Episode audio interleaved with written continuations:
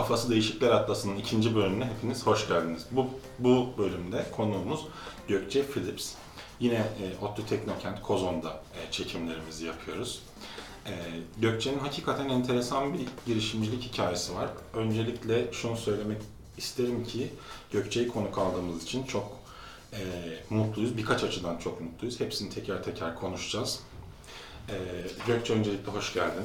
Merhabalar. Ee, şimdi senin hakikaten enteresan bir e, hikayen var. Çok da güzel bir girişimcilik hikayen var. İşler e, Crypto Index Series'e kadar e, nasıl geldi, nasıl oldu? E, bu istersen oradan başlayalım. Tamam tabii. Ee, 2017 yılında bu hikayeyi aslında arada anlatıyorum bazı yerlerde. Ee, aileden birisi diyelim. 2-3 odalı bir evini satıp da hepsini kripto varlıklara yatırınca birdenbire kripto varlıklar da bizim radarımıza girmiş oldu. Ee, Dolayısıyla tabii o zaman e, ne yapalım? Biz de acaba yatırım yapsak mı? Sadece kişisel küçük yatırımlar diye düşünebilirsin. E, ama nasıl yapsak, hangi e, ne seçsek, neden seçsek derken e, benim geçmişimde çok fazla araştırma var. Dolayısıyla oturdum işte 85 tane kripto para white paper dediğimiz makalelerini okudum. Ondan sonra onun üzerine ben bununla başka ne yapabilirim? Ee, işte kripto paralar ne işe yarar, birbirlerinden neden farklı, neden birine yatırım yapmalıyım, öbürüne yapmamalıyım gibi böyle uzun bir araştırma içine girdim. Vaktim varmış diyelim. O zaman daha e, küçük kızım 1-2 yaşındaydı. Dolayısıyla bol bol vaktim oldu. Ee, sonrasında bu tabii iş fikrine dönüştü yavaş yavaş. Aa işte böyle bir platform yok mu? Data, daha derin data analizi yapabileceğimiz bir platform olsa keşke dedik. Sonra e, biliyorsun partnerim Rich. Ben e, eskiden Reuters'ta çalıştık. Birçok finansal teknolojik ürünle çalıştık o dönemde. Dolayısıyla şeyi aradık. Aa o finansal teknolojik ürünlerdeki bilgiler kripto dünyasında neden yok? Yoksa biz yapabilir miyiz? Ee, Bu aslında senin tam e, doğum izninin sonuna mı denk geliyor bir taraftan? Ee, öyle e, diyebiliriz, şey evet. Için, hani çocuk sahibi olmak için kariyerini aranın e, son dönemleri gibi mi?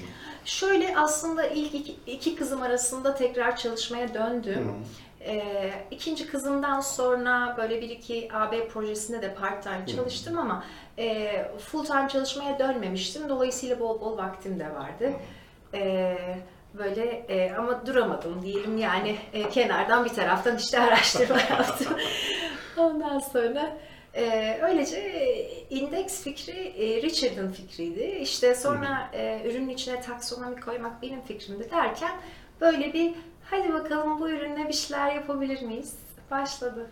Evet, sonra da e, bir TÜBİTAK'la Sonra aslında şöyle oldu.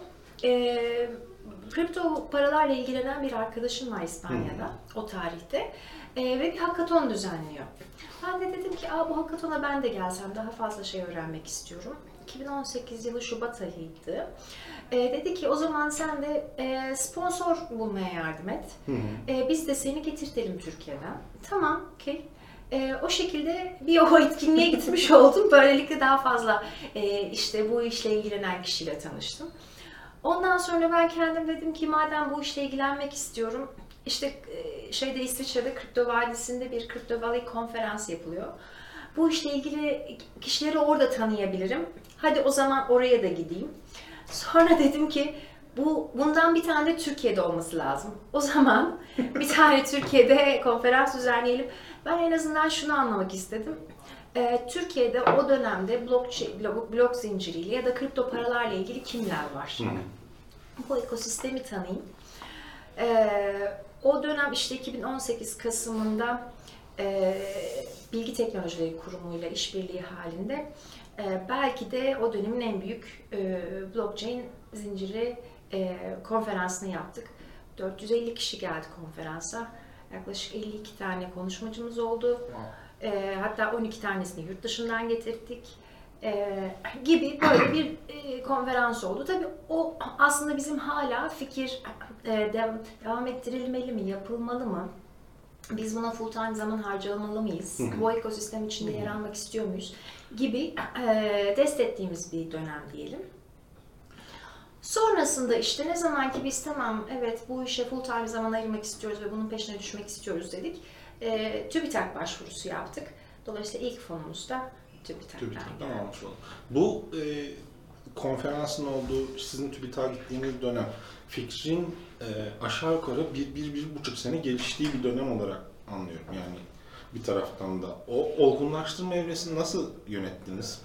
Yani ekosistemi tanıma, paydaşları tanıma falan ama bir taraftan da kendi içinizde de kaynayan bir fikir var. O ara nasıl geçti? Tabii e, işin o, daha doğrusu fikrin olgunlaşması kolay bir süreç değil. Özellikle de o fikir henüz dünyada karşılık birebir bulmamış bir fikirse veya e, yani şimdi biz o dönem dedik ki bir kurumlara yönelik bir fikir yapmak istiyoruz ama daha kripto para alan kurum yoktu bu fikri çıkardığımız zaman. Dolayısıyla hani şimdiki aklım olsa belki şöyle düşünebilirim ya piyasada karşılığı olmayacak bu fikrin henüz. Şu an yapma diyebilirim belki. Ee, ama o dönem e, ikimiz de kurumlardan geldiğimiz için ve çok uzun dönem büyük kurumlarda çalıştığımız için belki de böyle bir risk almayı öngördük. Ve kurumların bu işe ille, il- bir dönem mutlaka gireceğini düşünmüş olmalıyız. Ee, birazcık tabii o girişimciliğin şeyi de var orada. Ee, acemiliği de demeliyim ya da risk değerinin, risk eşik değerinin düşük olması demeliyim. Ee, ondan sonra ama şimdi geldiğimiz noktada aslında çok iyi bir zamanda başladığımızı görüyorum. Çünkü 2020 Ekim sonrasında e, çok ani bir şekilde ve hızlı e, hala devam eden şekilde kurumların kriptolara e, yatırım yaptığını Yatırım, görüyoruz. Evet. Peki sizin gibi e, indeks veren firmalar artıyor mu? Rakipleriniz çıktı mı? Şöyle aslında bunu da söylemeliyim. Tabii iş fikri her ne kadar orada başladıysa da ki ismimiz de Crypto Index Series e, olarak kaldıysa da şu an e, sadece indeks vermenin dışında aslında hem e, çok büyük bir veri havuzu veriyoruz. e, hem alım satım yapılabilecek ya, kanallara giriş veriyoruz. Hem de portföy analizi, kurumların portföy analizi yapabilecekleri ve portföy analizi yapabilecekleri bir API veriyoruz. Yani işte veri, alım satım ve portföy analizi tarafında böyle bir devasa bir API'miz Neredeyse var. bir uçtan gibi. Neredeyse öyle. Evet, evet. Yani içimizde bir e, custodian yok ama custodian partnerimiz var. Ondan sonra e, onun dışında işte biz bir exchange değiliz. Exchange'lerle partnerlik e, Partnerlik. halindeyiz. E, ama evet, dolayısıyla çok daha büyüdü aslında e, offering'in tanımı diyelim. O büyüme sizden mi geldi yoksa müşteri talebiyle mi oldu? Ee, başta bizden geldi. Ee, dedik ki biz e, o dönem çünkü bizim başladığımız dönemde ortada hiçbir endeks yok. Dolayısıyla e, bir de tabii şunu da görüyoruz. Henüz kurumlar da girmedi. Endeksler son kullanıcının anlayacağı bir benchmark olmayabilir. E, o yüzden biz e, tanımı genişletelim dedik. Ama e, aslında portföy analitiğine kayma kısmı daha ziyade kurumlardan geldi. Yani şu an mesela başta sadece platform olarak çıktık. Ee, sonradan fark ettik ki kurumların ilgilendiği şey platform değil. Platformu üzerine kurduğumuz API ile ilgileniyorlar. Dolayısıyla e, baştaki e, hizmet anlayışımızdan çok başka bir yerdeyiz şu an. Bambaşka bir yere evrildi süreç içinde. Peki ürünü, e, ürünle ilgili söylemek istediğin başka bir şey var mı? Yoksa biraz e, bu yolculuk kısmına geçelim mi? Tabii tabii. Yani sadece şunu söyleyebilirim belki. Ee, şu an Türkiye'de regülasyon özellikle bu varlık yöneticilerinin, o portföylerin, e, yatırım bankalarının e, müşterileri için kripto para tutmasını ya da alım satım yapmasına izin vermiyor. Ama verdiği noktada belki de Türkiye'deki tek hizmet veren e, kurum biziz. Hazır bekliyoruz ama mevzuat yok diyorsun. E, e, evet, evet. Yani şu an Türkiye'de teknolojik firmalara e, hizmet verebiliyoruz ama bu bahsettiğim asıl varlık yöneticiliği yapan e, ve müşterileri adına e, kripto para alım satacak kurumlar henüz elleri biraz bağlı. Burada reklam geçmiş olalım. Peki, şimdi Türkiye'de demişken bu tam da denk geldi. Tam bu sabah bir e, haberle, e, ben kalkınca haberlere bir bakıyorum. Ee, şöyle bir haber gördüm. İşte yasa dışı kripto madenciliği yapan tesisi jandarma basmış.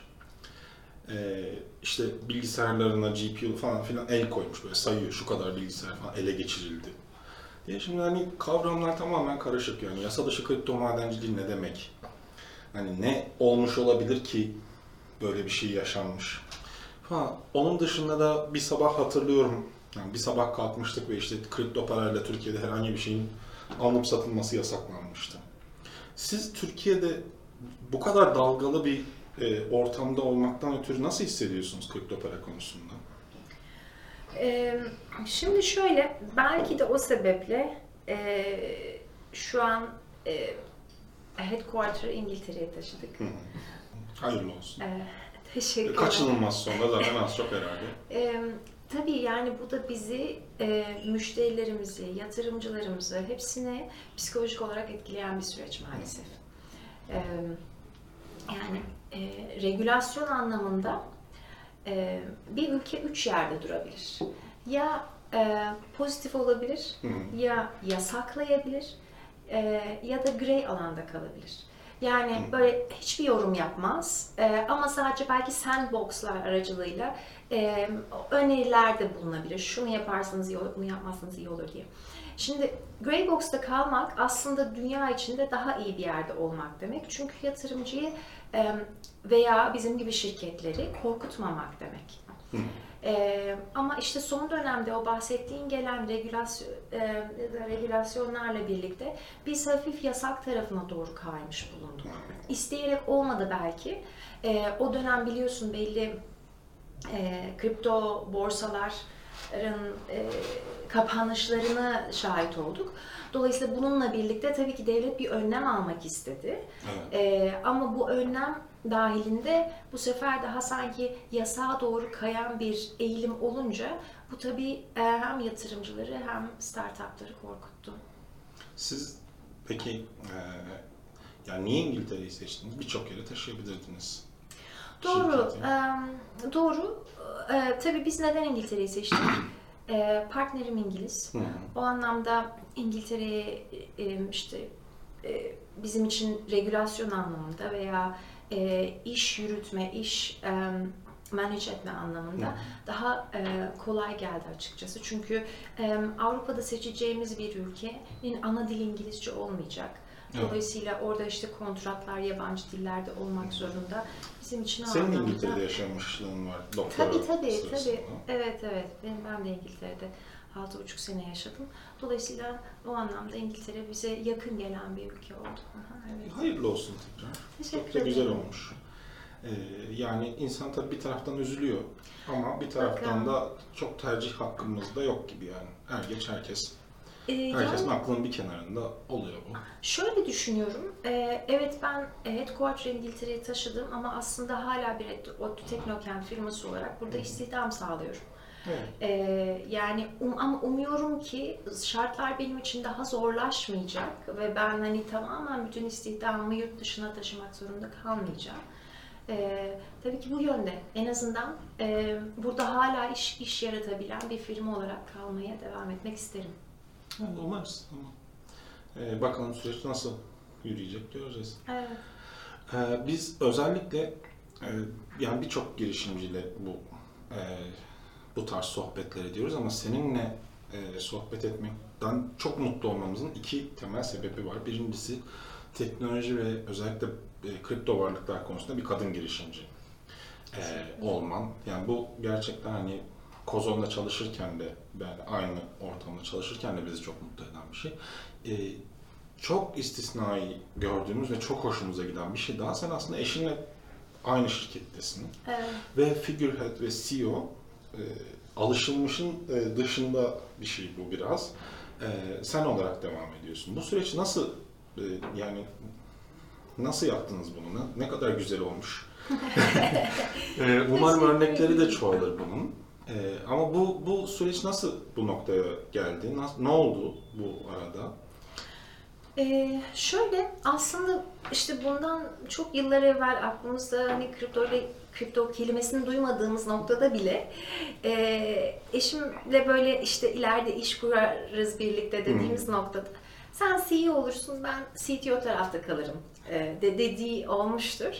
E, Richard çok e, çabuk konsantre olabilen, çok e, hatta etrafını o anda pek e, görmeyip sadece koda odaklanabilen bir insan. E, teknik anlamda çok iyi, e, finansal anlamda çok iyi. Hı. Dolayısıyla e, o anlamda aslında kendimi şanslı görüyorum. Yani e, bizim bütün sistem mimarimizi yaratan kişi Richard. Evet. E, ve e, diğer taraftan yani benim güçlü olduğum alanlar neler? Ben e, çok iyi bir araştırmacıyım. Hı. E, ama sosyal anlamda da kendimi iyi buluyorum. E, hani burada güzel açık konuştuğumuza göre e, Evet, evet. yani hani e, insanlarla bağ kurmak, o bağı devam ettirmek çünkü biliyorsun hem e, yani müşteri kazanmada hem e, yakın diğer startuplarla yakın ilişki kurmada, yatırımcı kurmada bütün bu bağ ilişki devam ettirmek önemli. Evet. E, dolayısıyla aslında biz sanki oturup birbirimizin güçlü yanları neler diye bakıp e, belki de birbirimizi bu yönde tamamlıyor olmamız da bir şans. Bence de kesinlikle. E, dolayısıyla böyle. Çünkü gerçekten yani Richard'ı da görüyoruz yani sabah gelip kulaklığını takıp akşama kadar sütünü içip çalışan mükemmel bir adam şeyi yani. Sütlü çay, evet ondan tabii vazgeçemedi. Tabii. Her ne kadar Türkiye'de olsak da e, İngiltere'ye sürekli gidemiyoruz. Madem hiç olmazsa sütlü çay, onu Evet. hissetmek istiyorum. Evet. Evet. Evet, çok da şey yani böyle hakikaten bütün gün kafasını ekrandan kaldırmadan e, böyle hani sohbet et, bazen sohbet zamanı bulmakta bile e, şey, şey davranan hani kendini koda gömen bir e, profil hakikaten. Ama bu rasyonel tercih de ne kadar güzel olmuş böyle. Çok da iyi olmuş. Umarız bunun örnekleri de artarak sürer. Tabii tabii, teşekkür ederim. Yani ikimizde de şey yok gerçekten. Hani ben e, ona dediğimi yaptırayım gibi bir düşüncem yok. Hı. Onun da e, hani ben orada hatta hani bir yerde konuştuğum zaman benimle övünen e, bir insan. Dolayısıyla o anlamda bunu bu ilişkiyi yaşam, kurmuş olabilmek tabii Hı. bir şans bizim için. Evet, Ne kadar güzel. Siz şimdi Türkiye'de TÜBİTAK desteğiyle kuruldunuz ve ondan sonra aslında birçok e, yani Türkiye'den yatırım almak için epey uğraştınız. E, o süreç nasıl ilerledi ve olmadı sonra da? Hı. E, önce onu sorayım. Sonra da sizin F'ten İsviçre maceranız, sonrasında iki kıtadan e, iki çok e, iyi firmadan yatırım aldınız. E, iki fondan yatırım aldınız. E, Türkiye'de başlayan bu yatırım arama yolculuğu nasıl oldu da bu noktaya geldi? E, na- yani nasıl oraya evrildi ve yani bu kadar hem Avrupa'dan hem Amerika'dan e, yatırım aldığınız e, bir noktaya geldi ve bundan sonrası için neler düşünüyorsunuz? Tabii. Ee, evet yani e, gönül isterdi ki tabii ki Türk bir yatırımcıdan da e, daha öncesinde hatta çok daha öncesinde alabilmiş olalım.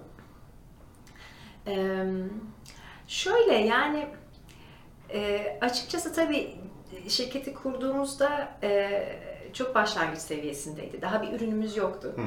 Dolayısıyla gösterebileceğim işte bakın şöyle bir ön e, yüzü diyebileceğim bir şey yoktu. Daha o zamandan aslında yatırımcıya gittik tabii ki. Evet. Ee, şunu anlayabiliyorum. Hani e, bu kadar erken bir teknolojide daha bir işte hani ön yüz gösteremezken e, ve teknoloji o dönem işte kurumsala hitap etmezken böyle bir kurumsal iş fikriyle gitmiş olmak belki onlar için çok büyük bir riskti. Dolayısıyla başta neden e, yatırıma hazır değilsiniz denmesini anlıyorum. Ama sonrasında artık hani ürün de var Ee, ve işte göstereceğimiz belli proof of concept'ler yapmışız. Ee, o noktada e, Türk yatırımcının geride kalmış e, ya da geride kalmış derken yani neden kendi geri çekmiş olmasını çok fazla e, anlayamadık. Ama şöyle yani çok farklı profilde yatırımcılarla görüştük. E, melek yatırım ağları, e, venture kapitaller, ondan sonra e, işte hani Kozon'a gelen, gelmeyen, e, İstanbul'da e, faaliyet gösteren yatırımcılarla görüştük. Hatta şöyle enteresan hikayelerim var. Madem biz bizeyiz. Evet evet biz bizeyiz. İstediğin gibi yatırımcı çekiştirebilirsin burada hiç problem yok. Şimdi m, güzel Ankara'mıza gelen bir e, yatırımcıya kısaca fikrimizden bahsetmiştik. Ondan sonra dedik ki ama biz daha detay konuşmak istiyoruz. Tamam o zaman İstanbul'da konuşalım dedi. Tam korona öncesi bir dönem. hı. Ee, tamam dedik. İşte öncesinde ben biliyorsunuz hep bir e, sunumumuzu gönderiyoruz. Yatırımcı sunumumuzu gönderdik. İş fikrimiz şununla ilgili zaten konuştuk. Ee, ondan sonra e, İstanbul'a gidiş dönüş biletimizi aldık. Tabii ki bunlar biliyorsunuz startupların o dönem e, kendilerinin üstlendiği masraflar. Ondan sonra tam gitmeden önce e, yatırımcı dedi ki ya işte ben onu iptal etmek durumundayım çünkü son dakika bir şey çıktı. Ama dedim hani ben e, uçuş biletimizi aldık şimdi. Ha tamam ama o zaman iki buçukta olmasın 12'de olsun e, toplantımız o zaman yapabiliyorum. Şimdi 12'ye yetişebilmek için ben o dönem Sabiha Gökçen'den karşı tarafa taksiyle gittim. Çünkü yatırımcıya şimdi yetişmem lazım. Uçak biletlerimi aldım, Taksim'e de bindim. O zamanında yatırımcımın karşısında oldum. Ondan sonra e, işte 20 dakika uzun uzun anlattım. Dedim ki kripto paralar böyle bakın e, bir taraftan tabii şunu da yapmaya çalıştığımız bir dönem. Karşımızdaki yatırımcıyı da biraz eğitmeye çalışıyoruz. Çünkü yatırımcımız o sıra kripto paralarla hiç ilgilenmemiş, hiç Siz duymamış bile aslında olabilir. önce kripto paraya ikna ediyorsunuz, Tabii. sonra size yatırım yapmaya Kesinlikle İki aşamalı. öyle. İki aşamalı Hı. tabii ki. Yani iş fikrine daha gelemeden ilk önce kripto paralar neden dünyada var olmaya devam edecek onu anlatmaya çalışıyoruz. Dolayısıyla ben işte bahsediyorum bakın farklı çeşit kripto paralar olacak. Mesela emlak sektöründe işte artık binaların veya e, apartmanların sahipleri tek kişi olmayacak. Tokenize olacak. Yani küçük küçük tokenlar alacağız. Belki bir milyonda birine sahip olacağız bir binanın. Şimdi ben böyle dedikten sonra yatırımcımız şöyle bir e, yorumda bulundu. Ama zaten ben emlakla ilgilenmiyorum. Yıllarca Amerika'da yaşadım. E, Türkiye'ye döndükten sonra bir tane bile ev satın almadım. Çünkü Türkiye'de ev satın almak mantıklı bir şey değil. Ama ben başka bir şey anlatıyordum sana diye kalıyorsun. yani. Yani maalesef ben o noktada anladım ki e, yatırımcının e, yani ya beni dinlemek hevesi yok belki e, ya da belki kripto paralarla o kadar haşır neşir olmadığı için. E, hani dolayısıyla ben zaten kripto para fikrini sana satamayacağım ki iş fikrime asla gelemeyeceğiz. E, dolayısıyla biz o toplantıyı yaptık. E, ondan sonra teşekkürler. Biz zaten kripto paralarla alakalı iş fikirlerine yatırım yapmayı düşünmüyoruz.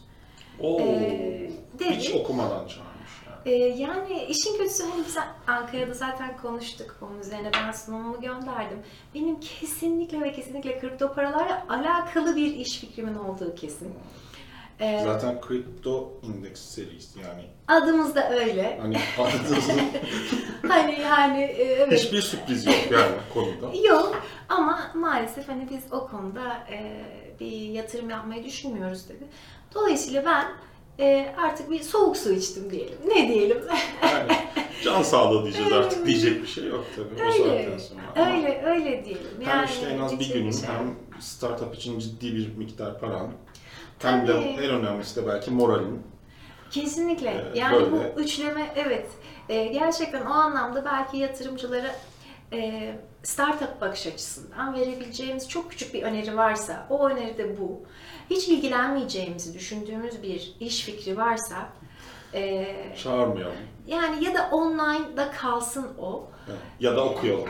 Ya da- Mailleri okuyalım, Evet. dokümanları okuyalım. Evet, evet, kesinlikle öyle. Ya, evet.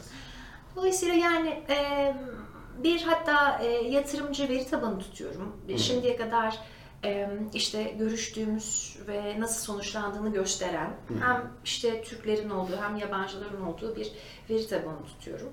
E, Türkiye'de e, hatta bunu tutmaya da biraz geç başladım maalesef. E, dolayısıyla söyleyeceğim rakam gerçeği ifade etmiyor ama Türkiye'de en az 45 tane yatırımcıyla görüşmüşüz. Ee, yani bu... 45'te 0. Aa, evet 45'te 0. Ve ama sonrasında Peki şey ne kadar sürdü mesela? Sizin Türkiye'de bir yatırımcıyla görüşmeye başlamanız ve olmayacağını anlayıp kapatmanız ortalama ne kadar vaktiniz aldı? harika bir soru. Şu anlamda harika. Şimdi bazı yatırımcılar e, hiçbir şey demeden ortadan kayboluyor. E, Yani birinci görüşme Ghosting sonrası. Ama ben bunu yine de tercih ediyorum. Yani hani tabii ki bana hayır dese de ve kaybolsa daha güzel ama e, en azından benim sadece bir görüşmelik vaktimi aldı. Evet. E, bu da okey. Mesela iki durum oldu. E, iki durumda maalesef benim dörder ayımı aldı. Oo. İkisinde de tabii ki yatırım yapıyoruz. Karar verdik. Hayırlı olsun Gökçe Hanım. Bana WhatsApp mesajları geldi. Ee, ondan sonra evet hani ne zaman e, bir sonraki adıma ne zaman geçeceğiz deyip e, arkasından hiçbir dönüş almayıp böyle bıçakla kesilen iletişimler oldu. Bir tanesi bu şekilde, diğerinde de e, artık avukatlar şartnameleri konuştu. E, yani bir de tabii bu arada hani avukat e, Tabii, masrafları şey değil. vesaire. Ondan sonra şartnamede anlaşıldı. Ee, artık hani bitti e, imzalanacak vesaire diye beklerken e, maalesef hani bir yönetim kurulunda o gün ters bir karar olmuş. Dolayısıyla bu, bu tip şeyler gerçekten çok yıkım oluyor o startuplar için. Çünkü bir görüşme, iki görüşme okey. Ama o görüşmelerin sayısı arttıkça tabii ki bizim için bir e, umut ışığı oluyor. E, biz ona göre plan yapmaya başlıyoruz. Yani diyoruz ki şu gün muhtemelen bu yatırım elimize geçecek. O zaman biz belki şu kişileri işe alacağız. Ne bileyim şöyle açılımlar yapacağız. E, o olmadığı noktada gerçekten çok büyük yıkım oluyor. O, hatta hani şey diyebilirim yani geçtiğimiz e, Haziran e, bu tip bir, yıkımın olduğu bir e, tarih bizim için. Hı hı. E, o gün yani Richard'la oturduk. O, ya o gün bırakacağız ya da artık paramız bitene kadar devam edeceğiz. Paramız bitince bırakacağız dedik. Mecbur. E, yani ilk- açıkça söylemek gerekirse biz ikincisini seçtik. Açık açık soruyorum. Biz açık konuşmayı seviyoruz kanalda biliyorsun. Evet. Şimdi tekrar bir girişim ya da aynı girişime tekrar başlasan veya yeni bir girişimin olsa Türkiye'de hiç yatırımcıyla görüşmüyorum. Doğrudan yurt dışı yatırımcılarla görüşüyorum der misin? Kesinlikle. Yoksa hala görüşmek istediğin yatırımcılar olur mu? Ee, şöyle ikinci e, yani round A dediğimiz hani yatırım Hı. turu için Türkiye'de görüşmek isteyebileceğim bir iki yatırımcı var. Ee, ama e, çok net kendi adıma yani bizim içinde bulunduğumuz bir sektörde olacak bir girişim için e, e, yurt dışından işe başlamak e, zaman kazandırır. E, çünkü Ancak bu kadar nazik ifade edilebilirdi bu arada. Bu. e, yani e, e, öyle gerçekten. Öyle, öyle. Ve şunu mesela e, e, işte şu an 3 3 ayrı yatı 4 yatırımcımız var hatta. E, biri İsviçreli, Alman, Amerikalı, bir de e, İsviçreli bir melek yatırımcı. Hı. Ee, inanır mısınız hiçbir tanesi benim banka e, bilançomu görmedi. Yani ve hiçbiri şirketin bilançosunu bana göster demedi. Bir yere borcun yok olduğuna dair bir kanıt görmek istiyorum demedi.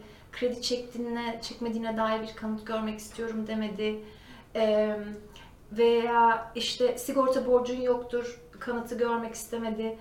Ee, anlatabiliyor muyum? Yani Bunların hepsini Türkiye'deki yatırımcılarla yaşadın anladığım kadarıyla kıyas. e, tabii yani Türkiye'de due diligence denen süreç e, gerçekten çok yüklü, çok fazla zaman alan, çok doküman bir araya getirmeniz gereken ve sonucunda da belki bir yere varamayabileceğiniz bir süreç. E, yani yurt dışındaki yatırımcı gerçekten hani birkaç şeyle ilgileniyor. Bir, e, bu iş fikri tabii ki mantıklı mı? Hı. takım iyi mi ve bu işi götürebilir mi? Ama tabii ki bir de şeye bakıyor yani bu pazar yeterince büyük mü? Büyüyebileceğin kadar alan var mı? Ama bunun ötesindeki o küçük e, yani bu tip ayrıntılarda boğulmuyor maalesef. E, Biz biraz buralarda boğulabiliyoruz Türkiye'de. O yüzden de diyorsun ki zaman kazandırır. Ee, evet. Tabii ki hani şöyle düşünülmesin. Şimdi ben e, bütün yatırımcıları genellemek istemem. Arada çok değerli yatırımcılar da var. Ki hatta şunu da söylemeliyim. Ben de önümüzdeki 3-5 yıl içerisinde exit yaptığımız noktada ben de bir melek yatırımcı olmak istiyorum. Evet. E, sonuçta ben de bir Türk melek yatırımcı olacaksam eğer böyle e, bütün Türk melek yatırımcıları karşı veya bütün Türk e, VC'lere karşı böyle bir karalama kampanyası içine girmek istemiyorum tabii ki yanlış anlaşılmasın. E, ama e, gerçekten gönlüm istiyor ki bu süreçleri daha hızlandırıp daha ana yerde kal- kalınsın e, bu due diligence proseslerde. Evet. Peki e, şahsi bir soruyla devam etmek istiyorum. Şimdi sen de e, biz aslında Kozon'da uzun zamandır tanışıyoruz ve beraber çalışıyoruz ve burada e, her ikimizin de çocukları da e, buraya geliyorlar ve beraber de oynuyorlar. E, aslında hani bu şematik şeylere baktığın zaman e, her ikimiz de e, bu girişimci tanımı için en şey noktadayız. E, en o, o grafiklerde olmayan noktadayız. İşte belli bir süre çalışmış, işte belli bir yaşı geçmiş, çoluk çocuk sahibi falan. Böyle bir noktada girişimci olmak sana nasıl hissettiriyor? Şöyle, şimdi bilmiyorum sen de aynı şekilde hissettin mi? Ee, ben anne olduktan sonra Hı zamanımı da daha iyi yönetmeye başladım. Ee, insan takım yönetimim de daha iyi bir yere geldi. Şöyle ki, e, şimdi anne Evet, ben de böyle hissetmeye başladım bu arada. evet. yani anne hani bir veli ya da anne baba olduğun noktada e, 24 saat kalıyor hala günler. Ama o günlerin şu kadar saatini artık çocuklarına adamak zorundasın. Evet, şu saatte okuldan almak zorundasın. Tabii yani Falan onlarla birlikte vakit geçirmek zorundasın. O, hatta onları sosyal aktivitelerine götürmek için e, şoför kimliğine bürünmek zorundasın. Dolayısıyla birdenbire şunu görüyorsun. Benim bu, bu saatler, şu saatlerim bloke. Geriye bu kadar saat kalıyor bana. Bu saatleri en verimli nasıl geçirebilirim? Ee, zaten verimli geçiremiyorsan, hani bu, bu zaman yönetimini yapamıyorsan, zaten o aslında girişimcilik seni bir şekilde e, dışına içi itiyor yani. E, yapabilecek bir şey yok. Ama o zaman yönetimini iyi yapabildiğin noktada aslında bence daha e, e, yani ba- başarı da onu takip ediyor diye düşünüyorum. Hmm. E, çünkü şimdi mesela benim birkaç se- birkaç parça Hiç böyle düşünmemiştim Ee, bu arada. Çok mantıklı. Yani başka türlü çünkü başka şansım yok. Hani keş mesela hani bekar olduğumuz zamanlarda veya sadece çift olduğumuz zamanlarda elimizde o kadar fazla saat var ki e, hani bugün yapmazsam yarın yaparım lüksümüz var. Şu an öyle bir lüksüm yok benim. Bundan sonra kripto endeks series nereye doğru gidecek? Kripto endeksleri nereye doğru gidecek? Ee, şu an özellikle Orta Avrupa'da çok aktif ol- ol- olmayı planlıyoruz. Olmaya da çalışıyoruz. Ee, dolayısıyla işte Almanya, özellikle Almanya, İsviçre, Avusturya bizim için kıymetli ülkeler. Çünkü e, bizim hedeflediğimiz kurumsal kitlenin çok yoğun olduğu ve regülasyonların bu anlamda izin verdiği ülkeler. E, o yüzden oralarda olacak etkinliklerde e, çok aktif bir şekilde yer almaya çalışacağız, çalışıyoruz. Bir de tabii bir Amerikalı yatırımcının girmesiyle birlikte aramıza Amerika'da da aslında e, tabii Amerika çok büyük ama özellikle işte belli eyaletler var bizim Hmm. hedeflediğimiz. Dolayısıyla oralara da adım atmayı planlıyoruz. E, ne diyelim? E, yani şu an aslında Avrupa'da e, konuştuğumuz şirketler yavaş yavaş bizi bir yerden duymuş hale geldi. Aa, ne güzel. Bu bizi sevindiriyor gerçekten. Tabii bunun e, bir sebebi de e, orada kurduğumuz işte ya yatırımcılarla ya da danışman e, şu an iki, iki tane danışmanımız var. Hı hı. E, bu danışman ilişkisiyle birlikte kurduğumuz e, sanki bizim orada çalışan biri e, bir e, e, çalışanımız varmışçasına ilerlemek işe yarıyor. Çünkü danışman demek e, benim için orada işte beni Almanca anlatabilecek birisi demek. E, bu anlamda özellikle bu yıl iyi bir e, ilerleme yaşayacağımızı düşünüyorum. Peki sence kripto varlıklar nereye doğru gidecek? Hmm. Kripto varlıklar daha eğlenceli yerlere gidecek. Neden? Çünkü şöyle düşünelim. Evet ya çok soğuk bir dünya. Biraz şu kripto dünyasında eğlence lazım gerçekten. Aa, ama NFT ve Metaverse ile eğlenmeye başladık Başladı, sanki. Ee, ama NFT ve Metaverse'ün dışında aslında şöyle düşünebiliriz. Her kripto para bir startup. Evet. Ve her startup aslında yolculuğuna e, sanki üçüncü yıldan sonra daha eğlenceli bir şekilde devam ediyor. Çünkü e, ürünü yerleştirmiş oluyor, belki müşterilerine daha yaklaşmış oluyor ve daha kullanılabilir hale geliyor. Şimdi Ee, Ben bu örneği ve- veriyorum çünkü anlaşılır olduğunu düşünüyorum. Mesela işte Brave diye bir browser var. Hı. Şimdi Brave browser diyor ki e, ben sana hiç reklam göstermeyebilirim ama reklam göstermeme izin verirsen Basic Attention Token'la senin verdiğin dikkat karşılığında ben sana para vereceğim diyor. Ee, şu an e, dünyada sanırım 40 milyonun üstünde bunu download etmiş kullanıcı var. Şimdi bu bir tane örnek. Bunun gibi binlerce token'ın gerçekten ürününün bizlere yayıldığını düşünelim. Tabii bunun için ürün bitmiş olacak, bize kadar reklamı yapılmış olacak ve biz hayatta kullanmaya başlamış olacağız. Dolayısıyla bu gerçekleştiği noktada aslında e, yani fun begins then. Dolayısıyla e, gerçekten eğlencenin o Daha bir noktada şey diyorsun. Evet, evet. Bu sadece bir e, trailer diyebiliriz yani. Peki e, buradan kripto ile ilgili e, fikri olan girişimci arkadaşlarımıza vermek istediğim bir mesaj var mı? Ee, tabii şöyle diyelim. Şimdi e, bu şu an çok hype bir e, teknoloji ve haliyle gitgide daha fazla yatırımcının ilgilendiği, gitgide daha fazla son kullanıcının ve daha fazla kurumun ilgilendiği bir sektör. Ee, o anlamda e, iş fikirleri daha fazla olacaktır tabii ki. Ama o iş fikirlerini evet ben bu işe gireceğim demeden önce o e, hedeflediğiniz kitlede e, birkaç e, basit deney yaparak e, girmek çok daha mantıklı. E, yani biz gerçekten hani biraz risk alarak kurumsala yönelik bir e, ürünle girdik. Şimdi tekrar başlayacak olsam o ufak ufak deneyleri baştan kurumsallarla yapıp belki biraz daha sırt sırta e, devam ederdim.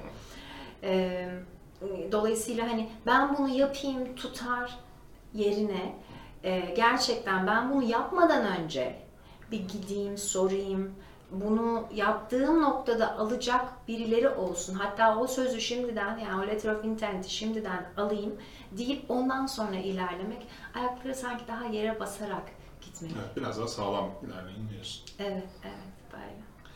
Peki çok söylemek istediğin bir şey var mı? Son olarak sözü sana bırakalım. E, Teşekkür ederim. Biz teşekkür Çok keyifliydi ederiz. bu sohbet. Seni ağırlamak gerçekten çok zevkliydi. Ee, umarım daha e, bir süre sonra daha büyük e, mecralara yayılırsınız ve tekrar e, bunun üzerine bir daha konuşuruz.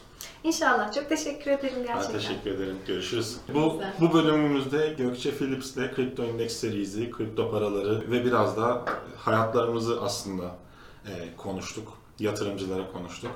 E, bir sonraki bölümümüzde görüşmek üzere. Hoşçakalın.